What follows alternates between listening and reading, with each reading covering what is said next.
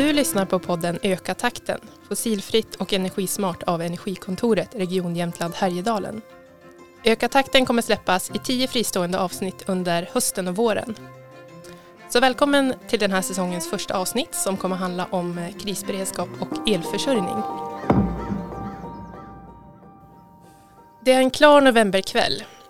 Du står i kassakön på macken och ska just betala. Plötsligt blinkar belysningen till och sen blir allting svart. Suck, strömavbrott. Tyvärr finns inget batteri till kassan så du får knata hem i den kyliga kvällen utan ditt fredagssnacks. Innan telefonens batteri tar slut efter den kalla promenaden hinner du lyssna på nyheten att det rör sig om ett stort strömavbrott. Stora delar av landet har drabbats, men orsaken är ännu okänd. När du kommer hem tänder du några värmeljus och kryper ner under filten i soffan. Ljusen räcker precis så att du kan se texten. Strömmen kommer nog snart tillbaka, tänker du, innan du somnar. När söndagen kommer är boken slut. Värmeljusen också och det börjar nu vara riktigt kallt i huset. Fast du har på dig dina tjockaste ullstrumpor, dunjackan och långkalsongerna så fryser du lite. Du har försökt undvika att öppna frysen men nu måste du ta fram iskuberna för att tina till vatten. Du är törstig. Varför tappade du inte upp i flaskor i fredags? Och varför hade du inte laddat din powerbank? Och varför slängde du ut den gamla kaminen när du renoverade? För att klara ett längre strömavbrott så behöver vi förbereda oss. Hur förberedd är du? Det här är ju verkligen ett superspännande ämne tycker jag. Eller det tycker ju både du och jag Tove. Mm. Men eh, du kanske kan förklara var, varför är vi här egentligen idag och pratar om det här? Ja, och det är ju för att ehm, det här med krisberedskap och elförsörjning är liksom en del av den kommunala energi och klimatrådgivningens roll. Att vi ska informera om det här och lyfta frågan. Så vi tänkte fördjupa oss lite genom att eh, göra ett poddavsnitt på ämnet. Eh, och eh, för att göra det här har vi också tagit hjälp av en riktig expert på området, eh, nämligen Anna Täljfors på Myndigheten för samhällsskydd och beredskap. Eh, så välkommen hit Anna och kul att du kunde vara med idag. Tack och vilket spännande scenario med strömavbrottet. Ja, men eller hur. Vi satt och knåpade ihop det här scenariot och då eh, kände man lite så här spontant att det här kanske inte är egentligen ett så stort problem i Jämtland eller i Sverige stort. Vad, vad säger du om det? Ja, menar du vilka konsekvenser det skulle få? Jag menar, jag tänker att många människor är ju rätt så vana om man inte bor, alltså, om man inte bor i en storstad så är man ju ganska van vid, vid strömavbrott då och då och det behöver inte vara så stor grej. Problemet är ju om det bara fortsätter och är långvarigt, kanske flera veckor och så. Då har vi ju problem.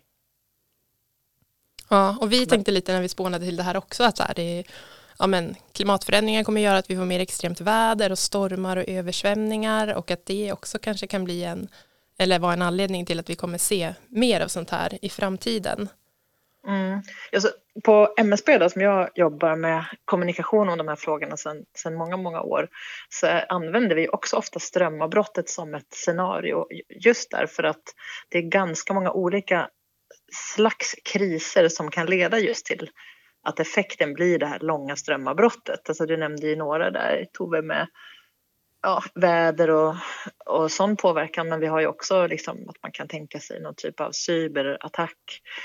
Eh, att våra system på något sätt hackas eller attackeras så att saker inte funkar som de ska. Det kan ju också vara vägar som, eh, som liksom stryps som gör att inte transporter kommer fram. Alltså det finns ju väldigt mycket som kan hända. Jag tror att det är många till exempel då, som bor eh, mer i glesbygd kanske inte alltid vet att det är bra att ha mycket drivmedel i tanken för jämnan. Jag vet att många är jätteduktiga på det också men, eh, men att man kanske inte vet att det till exempel är omöjligt att tanka om vi har ett strömavbrott.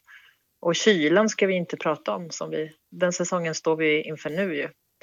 Eh, på sommaren klarar vi oss kanske. Det enda besvärliga då blir att vi får lite bökigt att förvara maten och sådär. Men, men blir det kallt då har, vi, då har vi mycket att göra.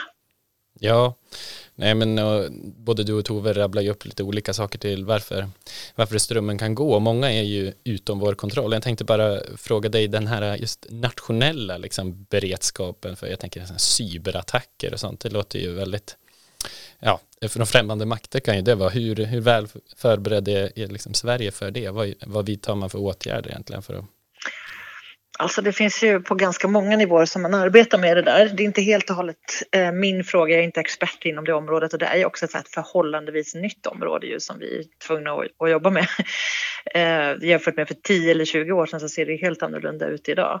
Men vi har ju ett nationellt cybersäkerhetscentrum som håller på att etableras ju där, med, där som samlar experter och kommunikatörer och alla möjliga inom det området. Så att, Eh, så att det ska vara samlat på ett bra sätt. Eh, vi har ganska bra överblick över det antal liksom, attacker eller försök som, som sker eh, intrång i våra system. Men vi såg ju till exempel här nu under sommaren där ett av våra största liksom, eh, livsmedelsföretag, alltså butikskedjor, blev utsatta för en attack och eh, det var ju väldigt stor påverkan som det fick. Och särskilt på mindre orter ju där man kanske har ett mindre antal butiker att välja på. Så det, det, får ju otroligt snabbt konsekvenser. Och det tror jag kanske att man börjar förstå vidden av lite mer nu. Att en IT-attack, det är inte bara något som drabbar det som kanske finansvärlden eller så, utan det kan drabba vår vattenverk eller det kan drabba liksom Eh, kommunikationen, det kan drabba kommunala verksamheter och det kan drabba egentligen precis vad som helst. Bensinmackar, eller ja, det är ju, allt styrs ju av IT nu för tiden så att det är ju, gör ju också det hela väldigt, väldigt sårbart. För att inte prata om våra egna IT-system som vi bär på i vår smartphone nu för tiden med betalsystem och, och allt det. det. Det är, eh, det är en lätt och tacksam måltavla just för att vi är så beroende av, av mm. IT. Ja, men eller hur. Eh, och egentligen som sagt, många av de här grejerna är ju vår, utom vår kontroll och det, det kan ju vara svårt att ibland eh, förutsätta vad som ska hända, men det vi faktiskt kan göra det är ju ändå att planera och förbereda så att vi kan vara beredda på till exempel ett längre eh, ström, strömavbrott. Jag tror att de flesta har ju varit med om ett strömavbrott och ett kort strömavbrott det kan ju nästan vara liksom lite mysigt. Eh, när man har barn till exempel, ah, nu får vi tända ljus istället och vad ska vi göra, spela spel och sådär. Men det blir ju ganska fort eh, väldigt besvärligt ju. Eh, så att om vi börjar då med vad man som privatperson kan göra så brukar vi prata om från MSBs sida. Vi, vi skickade ut en broschyr för tre år sedan som heter Om krisen eller kriget kommer. Eh, där det står listor så här på vad man, vad man kan ha hemma och så. Och då brukar vi tänka utifrån fyra olika områden. Mat, vatten, kommunikation och jag tänker att vi kan prata lite om värme nu då eftersom vi är inne på energifrågorna.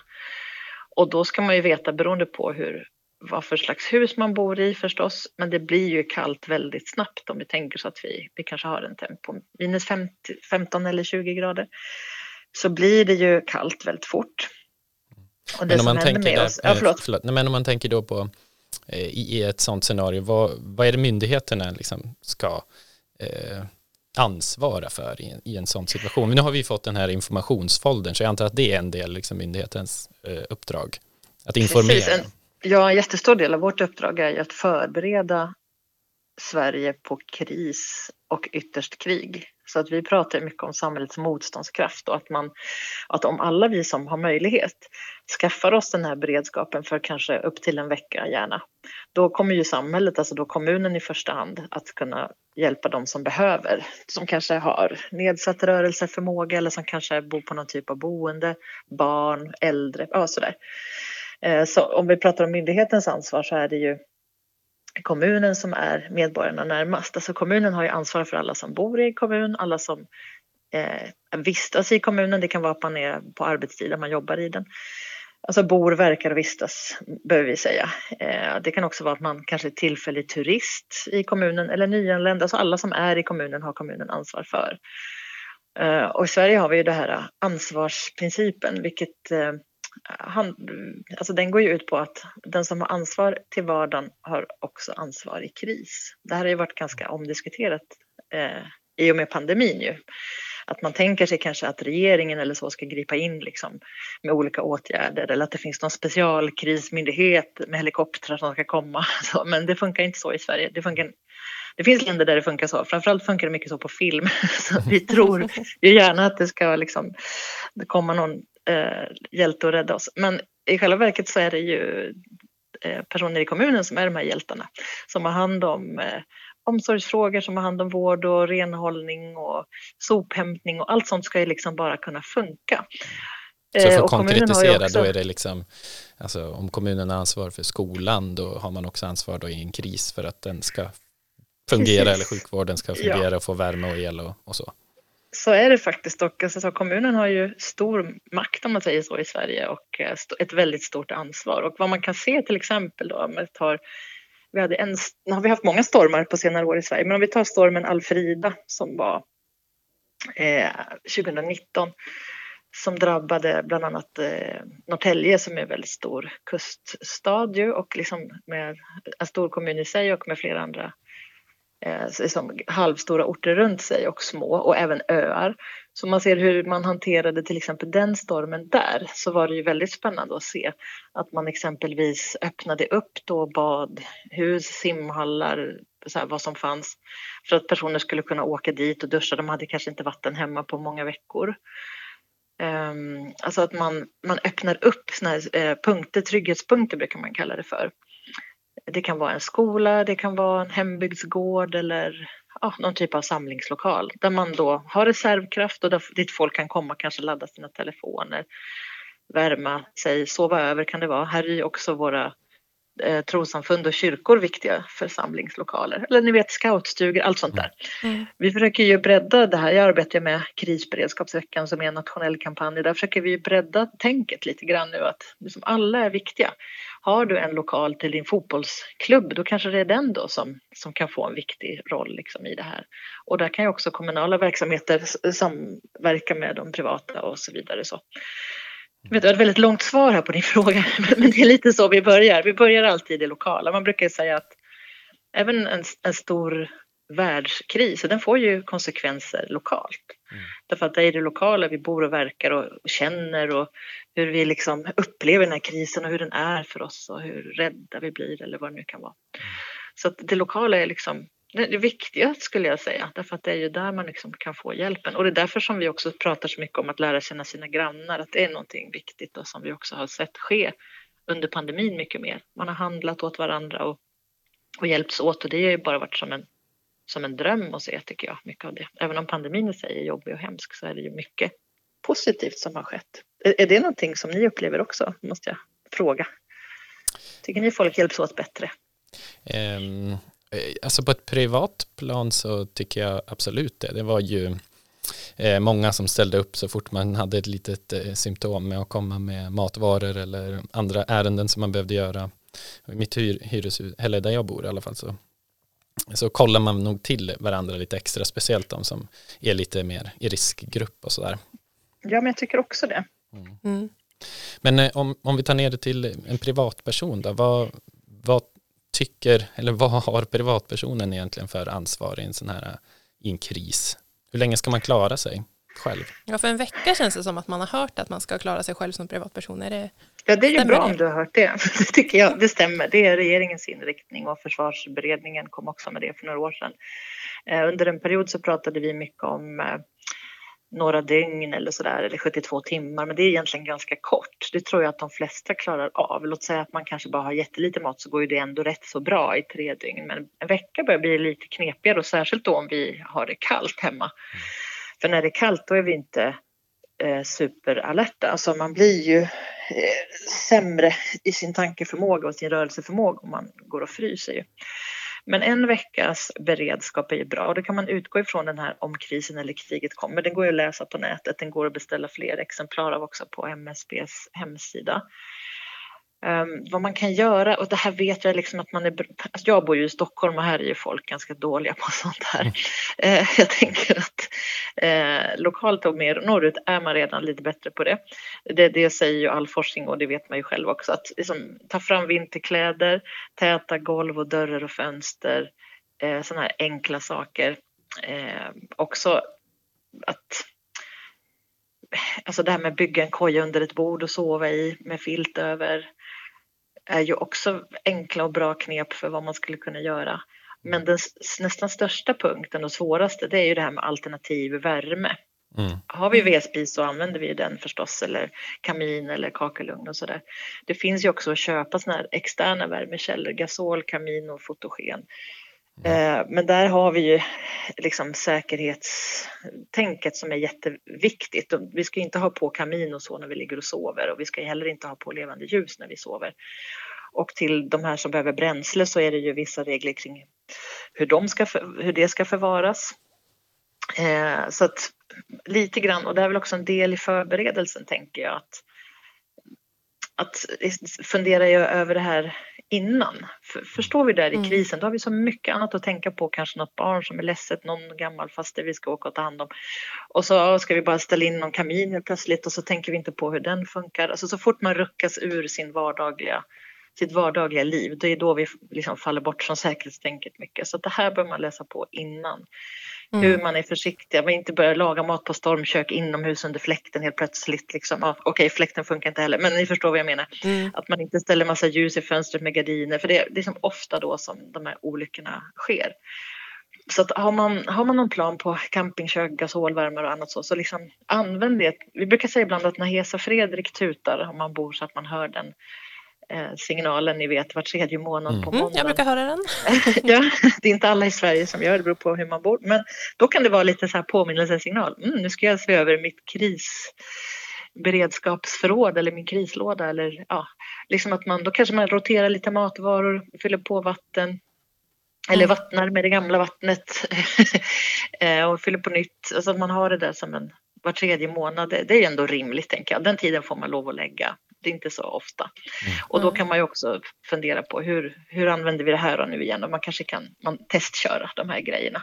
Mm. Så det, alltså det här kräver ju lite jobb men jag tänker att det är lite så när vi börjar med sopsortering eller vad som helst en gång i tiden att ja, det känns bökigt och jobbigt och sådär. Men det finns ju en väldigt stor vinst med det. Om vi Precis, lyckas. får man bara in en rutin sen så, så går det av sig mm. själv.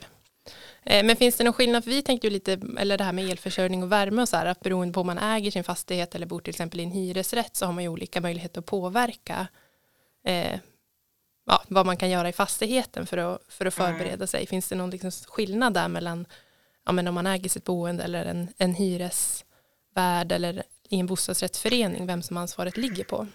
Ja, det är ju det är både det är ganska skönt att ha eget hus på många sätt. Då får man ju bestämma själv. Om man följer såklart regler och så. Ja. Mm, men man är ju också, alltså det blir ju också kanske dyrare med all ved och allting sånt. Men samtidigt så ser vi ju nu alltså för personer i lägenhet, jag bor själv i lägenhet, att det finns ett ökat, in, förlåt, ett ökat intresse för de här frågorna hos fastighetsägare och hos bostadsrättsföreningar. Att eh, kanske skapa någon typ av gemensam lagringsutrymmen. Eh, eller ja, det här med att lära känna varandra, att man börjar prata om de här frågorna är väldigt viktigt. Så det är väl en ganska stor skillnad mot för bara 5-10 år sedan att vi har fått upp de här frågorna överhuvudtaget i ljuset och att vi liksom börjar prata om det och det, det ger ju också effekter för Eh, jag, jag tänker mig att många tänker så här, åh bekvämt att bo i lägenhet, liksom. det är alltid varmt och vattnet bara kommer rinnande, jag behöver inte ha någon brunn eller någonting. Men när det faller bort, då har vi ju ingenting. Mm. Det finns, finns det någonting där, alltså, jag kan gå till min hyresvärd och säga att det här, det här måste ni fixa, det här är liksom jag tycker man, ja, alltså, så kan man säga. Eh, på ett sätt har ju hyresvärden förstås alltid ansvar, men, men det där ser ju väldigt olika ut. Många har ju inte tänkt mycket på det här, så man behöver inte vara så hård och säga att det här måste ni fixa, men man kan säga hur kan vi fixa det tillsammans? Mm. mm. Vad kan vi liksom hjälpas åt med här och vad, vad skulle kunna hända där vi bor? Vi har ju tagit fram ett eh, filmmaterial efter den här broschyren som heter Rädd eller beredd.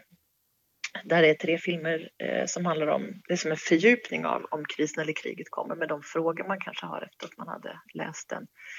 Man kan se de här filmerna tillsammans med sina grannar eller familj eller så. Och sen är det också som en övning till. Där det går ut lite på att man ska inventera så här, vad, vad kan hända här där vi bor? Varje kommun har ju gjort en risk och sårbarhetsanalys. Det görs ju på eh, länsnivå också. Där man kikar på liksom, vad har vi här där vi bor? Vi kanske har ett vattendrag som kan svämma över. Vi kanske har en stor flygplats och där kan det hända något. Vi kanske har en hamn där det kan läcka olja och så vidare. Eller vi har skred och rasområden eller vi har eh, ja, det är byggt på så sätt att det är liksom dålig mark, ja ni vet, någon giftfabrik. och då kan man titta på den och så kan man eh, fundera över hur skulle det bli om det händer någonting här och eh, sen den här övningen går ut på att man mer och mer kommer till sig själv och i slutet så ska man egentligen berätta för de andra vad, vad man själv har och är bra på. Och det här är väldigt kul att göra med barn och ungdomar för de, eh, de har inte alltid kanske diskuterat de här frågorna men de är väldigt bra på att snabbt säga vad de kan. Eh, alla kan ju bidra med någonting. Det är mm. demokratiåret i år också så vi ska liksom vara inte rädda för att lyfta fram vad var och en liksom, var och en är ju en tillgång i samhället. Mm. Eh, oavsett om man har en cykel som är väldigt snabb, som några sjuåringar har svarat, eller om man kanske bor så att man kan tända en brasa och värma alla sina kompisar, eller man kanske bor tre trappor upp när källaren är översvämmad, då är det bra. Ja, ni förstår. Mm. Eh, så att alla, liksom, alla har ju någonting att, att komma med. Ja, jättebra att göra en sån inventering då och se vad man har för. Ja, den kan man bara, bara om man lyfter frågan och diskuterar. Man behöver inte alls se just de här filmerna eller ta fram det här spelet utan mer, ja men bara, bara man sätter igång tanken, någonting skulle kunna hända. Det har vi sett också nu, vi fick en smitta.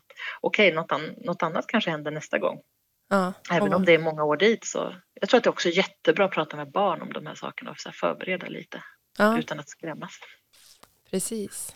Och när vi släpper det här avsnittet så är det ju den här kris och beredskapsveckan. Så det kan ju vara ett bra tillfälle också om man vill ta lite tid och fundera på det här, vad man, hur förberedd man är och hur man, vad man har för mm. grejer hemma och sådär. Eh, men då känns det som att vi har lite koll ändå på hur det funkar i samhället och vilka förväntningar som finns på ja, vad, vad myndigheterna gör och vad vi som privatpersoner ska fixa själva. Eh, Absolut. Jag skulle bara vilja komma med ett sista tips där och det Absolut. är att man inte ska glömma bort Radio Jämtland eller så. Eh, alltså Sveriges Radio P4 har ju ett beredskapsuppdrag. Nu om man lyssnar på podd så är man van att lyssna och då ska man eh, komma ihåg tycker jag att det är viktigt att veta att händer någonting så ska man kunna lyssna på radio och då sitter man ju eh, dåligt till om man inte kan det. Så skaffa batterier till sin radio eller ja, gå ut och lyssna på bilradion, att man har någon möjlighet att göra det när någonting händer så att vi får veta. Kanske om det ska öppna några så här värmestugor eller om man ska evakuera en stad, vad som helst. Där kommer man att få information. Så batterier, viktigt. Jättebra tips ju. Och eh, som sagt så finns det mycket information samlad på, på er hemsida. Om man går in på eh, Myndigheten för samhällsskydd och beredskap så kan man läsa och det finns ju checklister och ja, instruktionsfilmer och allt möjligt där för den som vill veta mer. Ja, det finns också på en sida som heter dinsäkerhet.se. Precis.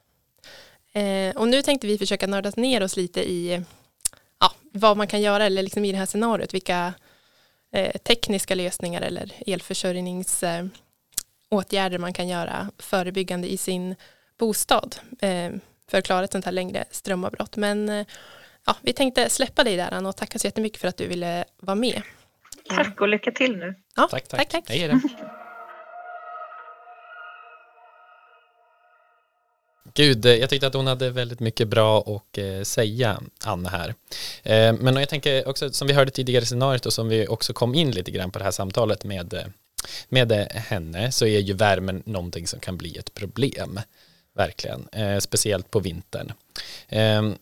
Och många tänker jag kan fundera på det här med men hur snabbt blir ett hus kallt egentligen? Det tar väl ändå ganska lång tid.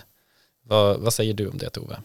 Ja, precis. Man kan ju börja med bara för att få lite referensramar. Alltså man säger att en, en fullt frisk och väl påklädd eh, person kan vistas i ett hus som är fem grader i en kortare tid och om husets temperatur blir svalare än 10 grader eh, så blir det ohållbart att stanna i huset någon längre tid. Eh, och då tänker jag att det är ju viktigt då liksom att man tänker på eh, hur isolerat sitt hus är exempelvis. Beror ju väldigt mycket på hur fort temperaturen sjunker. Ja, precis. Och det är ganska stor skillnad mellan olika hus, hur länge de kan bevara värmen. Så ja, jag kollade lite på en eh, jämförelse på Energimyndighetens hemsida där de kollar på 12 olika hus. Eh, och om det då är en temperatur på minus 10 grader ute och man utgår ifrån att man har 20 grader inomhus, tänker att vi bara kollar på de två extremerna som var där. Så att om man har ett, ja, men ett gammalt timmerhus då, då är man nere på noll grader eh, inom två dygn. Och om man däremot har en, en lågenergivilla som istället är ett eh, ja, men, modernt välisolerat hus så kan man klara sig nästan nio dygn innan man kommer ner till noll grader. Eh, så det här med isoleringen spelar ju väldigt stor roll, eller liksom husets klimatskala och förmåga att Mm. behålla temperaturen. Ja, precis. Men så det är ju det är viktigt att fundera på och att isolera är ju inte bra bara i en sån här krissituation, tänker jag, utan det är ju bra ganska ofta för att hålla nere liksom, den totala energiförbrukningen och därmed kostnader och sådär. Så det kan ju vara en god idé att se över när man ska renovera, speciellt. Absolut, Eh, alltid en Men jag bra tänker liksom en, eh, ja, dels är det ju det här med isolering, men sen är det ju, handlar det ju också om, eh, man kan ju vilja behålla värmen också. Att eh, det ska funka, att eh, värmen kommer även om det blir ett, eh, ett strömavbrott. Ehm, och då, då finns det ju vissa saker man kan göra. Mm, absolut. Ehm, och det finns väl liksom två huvudtyper av, av uppvärmning kan man säga. Eller man kan dela upp det att man har ett väldigt elburet värmesystem eller att man har någon typ av förbränning, alltså en ved eller, eller oljepanna som skapar värmen till huset. Precis, ja men det finns ju olika alternativ som du var inne på. Jag tänker att vi kanske ska börja med den här eh, elvärmen och värmepumpen och gå in lite mer på det. Precis, och det, då har man ju alltså el som primär uppvärmningskälla liksom. Och då eh, kan man ersätta Eh, elen från elnätet med att man har ett eh, reservelverk istället eh, som man kan koppla på. Ehm, men det är liksom inte en helt lätt lösning för dels så drivs ju de här på bensin eller diesel så man behöver ha både bränsle till själva eh, reservverket och sen så när man använder det så får man ju avgaser och det låter ganska högt men det kan också behöva skyddas från nederbörd så att vart man ska ha det här och hur det ska funka rent praktiskt är liksom inte helt enkelt och ska man dessutom värma upp eh, hela villan så behöver man ha väldigt hög effekt på det här så att eh, ja, det är inte helt lätt. Men det finns ju liksom lite olika storlekar på sådana här reservelverk. Ja, det gör det också. Så man kan ju också ha ett lite mindre så kanske man kan ha ett portabelt element och värma upp något rum till exempel eller hålla det lite lite. Och man kan ju även använda den här elen till andra applikationer än bara uppvärmningen också då. Men man får tänka på att den inte är lika stabil som elnätet så att det inte strömtillförseln är liksom inte lika säker. Mm. Men eh, det är ju absolut en alternativen då, just det, eh, reservelverk. Eh, så funderar ja, men på det här då med eh, den, det andra alternativet egentligen, när man värmer upp genom någonting, förbränning. Mm, precis, då, eh, och det systemet drivs ju till viss del också av el för att man har ju ändå el som driver pumpar som cirkulerar runt värmen i huset. Men eh, skulle man då vilja driva en sån, eh, ett sånt värmesystem vid ett strömavbrott så behöver man mycket mindre el som man tillför. Så då skulle man kunna ha ett eh, något som kallas för en nödströmsutrustning och då kan man omvandla elen från ett bilbatteri till exempel eh, till att driva de här pumparna. Mm. Jag tänker att det kanske i alla fall var, det var ganska nytt för mig att det behövs just de här, den här elen till de här pumparna. Man tänker liksom att det funkar kanske bara av sig självt, men så är det inte. Man behöver ofta ha det i alla fall. ja. Ehm, ja, det, och det känns ju lite som att ja, ett reservelverk och kanske ha en extra sån här vad ska man säga, pelletspanna eller batterier och grejer, det kanske känns lite mäckigt och någonting som man inte använder så ofta. Jag tänker det måste ju finnas andra saker som man, gör, alltså man, man kan göra, typ som en kamin Mm. till exempel. Ja, det är ju jättebra som ett eh, reservvärmealternativ om man, eh, man inte vill att det ska vara något som man bara använder i nöd, för det har ju som sagt liksom en hög mysfaktor och kan ge värme även vid andra tillfällen.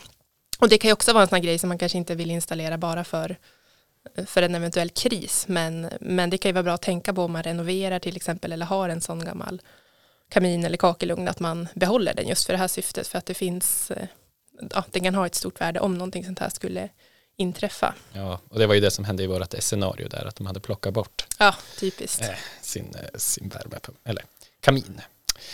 Så absolut någonting värt att tänka vid renovering. Kolla, kan vi behålla?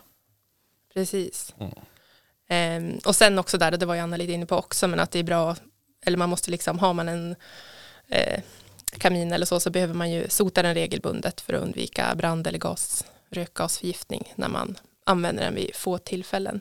Eh, och sen eh, är man sugen på det här med reservelverk så finns det också på Energimyndighetens sida jämförelser mellan olika sådana typer och köpguide om man känner att man vill eh, läsa på mer om det. Men eh, ja, det är som sagt både en, en kostnad att köpa in och kan vara svårt att förvara om man behöver mycket bränsle. Så det kan ju vara, om man är intresserad kanske det är bättre att eh, gå ihop med det här laget som vi var inne på innan och eh, göra en sån här lösning tillsammans med, med andra grannar eller andra personer som man mm. vill vara tillsammans med i krisen. Ja, och det behöver ju inte bara vara i ett, lite, alltså ett lägenhetshus, utan det kan ju vara i ett villakvarter också.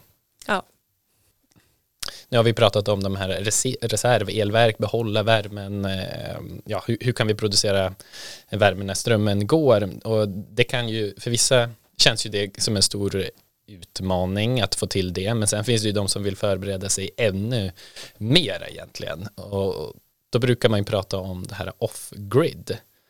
Eh, att alltså ha ett eh, liksom fullt fungerande hus som sköter sin värmetillförsel och elproduktion hela tiden. Eh, jag tänker du Tove kanske bara kan förklara lite mer vad, vad det är för någonting. Ja men precis, man kan ju bara kort beskriva off-grid som att det handlar om att man kopplar ifrån sig från elnätet och eh, producerar sitt energibehov själv. Men sen finns det ju såklart liksom en hel skala inom det här. Allt från att man om man är helt frånkopplad och producerar sin egen mat själv och är liksom själv, självförsörjande på, på alla sätt och har sitt eget vatten. Eh, men det kan också bara vara att man kopplar från sig på elnätet eller det är väl det vi kommer eh, fokusera på här eller den delen av off-grid, själva elförsörjningen. Mm. Och när vi gjorde lite research inför det här poddavsnittet just om off-grid så ramlade vi över en artikel i Elinstallatören från 2019. Och i den här artikeln så beskrivs ju elektrikern Andreas som bor i ett hus som är helt eh, frånkopplat. Och eh, hans främsta motivator just för att gå off-grid var ju för att han ville spara pengar. Han tyckte att elanslutningsavgiften var för dyr helt enkelt och det kan den ju mm. absolut vara. Men och så i den här artikeln så, så beskriver han hur han gått tillväga och det handlar ju om att han har eh, installerat eh, solceller och eh, vindkraftverk på sin egen tomt för elproduktion som han har kopplat till batterier. Ehm, att han har solfångare och vedpanna för värmeproduktion eh, eller varmvattenproduktion och eh, värme. Och eh, ja, i, i den här artikeln så beskriver de ju vilka bekvämligheter som finns i, i det här huset, även fast med de här liksom, lösningarna. Då är, det finns ju tv och tvättmaskin och sådär, men han har ju behövt prioritera bort lite saker, eh, som diskmaskin och kaffekokare och mikro. Och han säger också att han hela tiden måste tänka på eh, sin förbrukning. Mm. Ja, och det här, alltså, det här är ju ingen lösning som är någonting för alla, utan det här blir ju mer en livsstil om man eh, om man vill leva på det här sättet. Och, eh, han, eh, som den här artikeln handlar om, sa ju också att det här är ju inget han skulle ha gjort om det inte var för att hans fastighet inte var ansluten till elnätet eh, och han inte vill ta den här kostnaden initialt. Men, men det finns ju de som tycker att det här är jättespännande och vill, eh, ja, men vill testa så. Men om man inte vill vara så supernördig så kan man ju ja, tänka att det kanske finns delar av det här man kan plocka ut och använda ändå. En sak som man ser allt eh, mer det är ju solceller eh, som en teknik som sitter på allt fler tak. Eh, och det är ju någonting då som man kanske skulle kunna använda eh, vid ett strömavbrott. Ehm, ja, jo precis. Ja, men det, precis som du är inne på så kan det ju vara eh, värt att plocka ut vissa delar av det här och solceller som eh, producerar el vid eh, strömavbrott. Det, kan, det kanske är någonting man tänker på att det sker liksom automatiskt. Att gud vad smart jag har solceller på, på taket och då klarar mig vid strömavbrotten. Men eh, så är det faktiskt inte utan systemet måste vara konstruerat på det viset från början. Eh, det är inte tillåtet att egentligen eh, producera ström som är kopplat till nätet eh, för att då kan det ju vara fortfarande ström i elnätet när reparatörer ska komma och fixa någonting. Ehm, så då, därför har man valt att liksom, det ska slås bort helt om, om strömmen går. Men däremot så finns det vissa tekniska lösningar som gör det här möjligt men, men det kostar en, en liten slant att få till. Mm. Och sen en annan eh, viktig del i om man ska använda sin anläggning så det är ju att man behöver ett batteri. För oftast mm. när man producerar solel så använder man inte eh, den elen på en gång utan ja, när man är nätansluten då så köper man och säljer el mot nätet. Ehm, och eh, det överskottet som man annars säljer på nätet skulle man då kunna spara i ett, i ett batteri. Ehm, och det kan man ju göra oavsett eh, liksom elavbrott eller inte och det kan finnas andra fördelar som att man kan öka sin användning av den här egenproducerade elen eller minska sina effekttoppar. Eh, men eh, en viktig sak att tänka på är att ett batterilager det kan lagra ström under en viss tid men det finns ju inget batteri som gör att man kan spara sin el från sommaren till vintern. Nej, då, då behövs ju helt, helt andra egentligen energi energilösningar för att alltså spara. Där kan man ju prata om eh, att spara i vätgas eller något sånt men det kan ju bli ännu mer dyrt och komplicerat eh, system. Mm. Ehm, men det går ju också att skapa en så kallad ödrift med hjälp av de här solcellerna och batterierna som du var inne på när man eh, faktiskt då det fungerar det här systemet eh, även när det är strömavbrott. Men eh, det, det man behöver då som vi var inne lite på tidigare att det behöver de här tekniska eh, andra tekniska utrustningar det är ju att det behövs en hybridväxelriktare som man kallar det. Och så behöver man ett separat eh, jordtag. Men om man är intresserad av det här så tror jag att det är allra bäst att prata med eh, solcellsinstallatörer som kan hjälpa till och få, få till de här eh, lösningarna. Ja, precis. För det här är ju liksom en, en teknik som finns och det är möjligt men eh, det kanske inte är något som de allra flesta är intresserade av eller vill ha, men, men det går. Men något annat som diskuteras det är ju det här som kallas för vehicle to house, alltså att eh, man har en elbil så kan det batteriet fungera som eh, ett batteri som förser huset med el. Ehm, eh, hur skulle det fungera vid ett strömavbrott?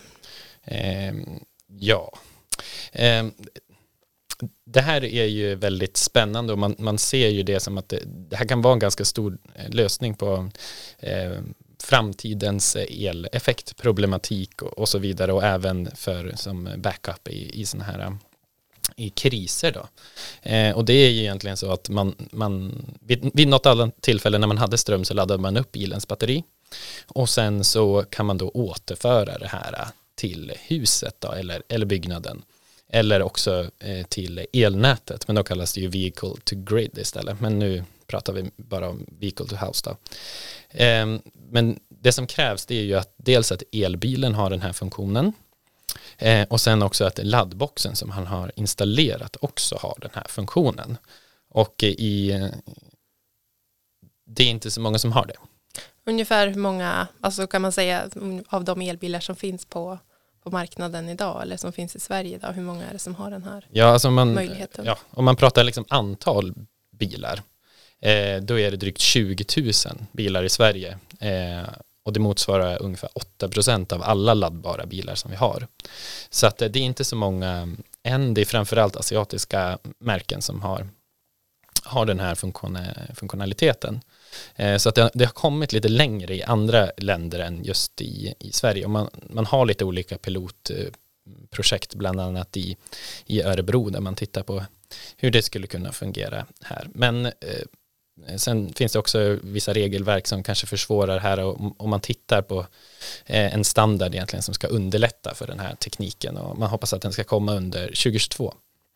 Men eh, om man tänker rent liksom prismässigt så om man kan utnyttja, om man har en elbil redan som har, ofta har ganska stort batteri då är ju det eh, väldigt kostnadseffektivt och liksom en snygg lösning istället för att ha en massa batterier, extra batterier kanske i sin källare. Att man kan få till det här eh, systemet som harmoniserar med varandra. Nu har vi, börjar vi närma oss slutet på det här avsnittet känner jag. Vad mycket vi har hunnit med att täcka in även om vi bara har liksom plockat ut valda delar av det här ämnet. Det finns ju jättemycket spännande verkligen att nörda ner sig och läsa på om man vill. Och det, ja, det finns ju som sagt väldigt mycket information att hitta på myndigheters hemsida och Ja, man kan ju också vända sig till oss tänker jag om man vill få lite liksom, input. Ja, precis. Rådgivning kan man ju alltid höra av sig till om man vill se vad är applicerbart hemma hos mig eller vad skulle jag kunna tänka på. Eller, så det, det kan man ju såklart göra. Eh, och jag tyckte också att det var liksom intressant det här perspektivet med att eh, ja, men gå ihop och göra saker tillsammans och hur man kan eh, ja, man, man kan tänka vad kan jag göra hemma hos mig eller vad kan jag göra liksom i, eh, tillsammans med andra. Så det, mm, det tar jag med mig från den här ja. Nej, eh, jag hade tänkte precis egentligen på, på samma sak men också det här att man börjar kanske i det lilla hemma hos sig själv kanske innan man börjar tänka på alla de här reservelaggregaten och ödrift på solceller och allt vad det är för någonting så kanske man börjar och verkligen ser över hur, hur man har det hemma med sina Eh, med sina kläder och, och, till exempel kan man samarbeta med sina grannar eh, om det händer någonting och sådär. Eh, men sen, jag jobbar ju mycket med liksom laddinfrastruktur och elbilar så jag ser ju på liksom den där eh, utvecklingen med väldigt, eh, ja, det är väldigt spännande eh, allt som händer där och vad det kommer kunna innebära egentligen för, för hela vårt elsystem och liksom övergången egentligen till, till ett mer hållbart samhälle. Mm. Spännande ju.